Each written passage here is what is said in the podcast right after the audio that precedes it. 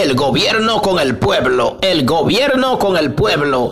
Estamos aquí, mi gente. Yo soy Henry Santana, lo cual me dirijo a todos ustedes para hacerle un llamado afectuoso, con mucho amor y mucho cariños, por acá, por nuestro Pocar Anchor, por nuestro Spotify, por nuestro YouTube, nuestro Facebook, nuestras redes sociales, por nuestros canales de cable con nuestro número de contacto 829-757-8357, nuestro correo electrónico que usted lo tiene ahí en pantalla, eh, conduciendo el programa con nosotros, como siempre, la licenciada Cándida, también tenemos la pastora Piña y pastora evangélica, y también tenemos al licenciado Abreu, buen abogado nacional e internacional. Lo tenemos aquí conduciendo nuestro programa el gobierno con el pueblo, desde República Dominicana para los países internacionales, países como europeos, los países también de Estados Unidos, como Haití, República Dominicana. Estamos aquí, el gobierno con el pueblo.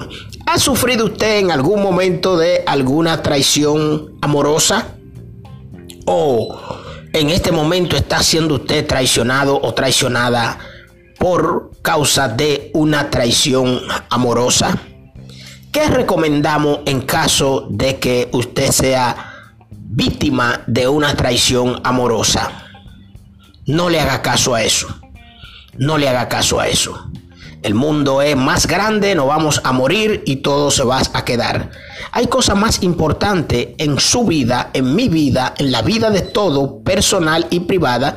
Hay cosas más importantes que, una traición amorosa.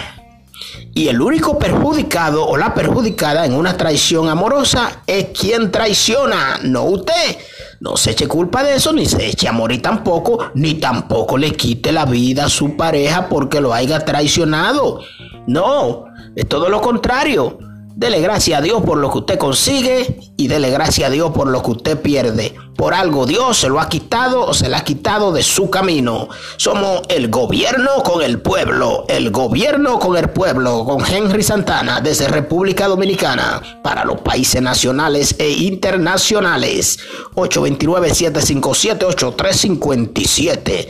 El gobierno con el pueblo, el gobierno con el pueblo y con buena música, buena música.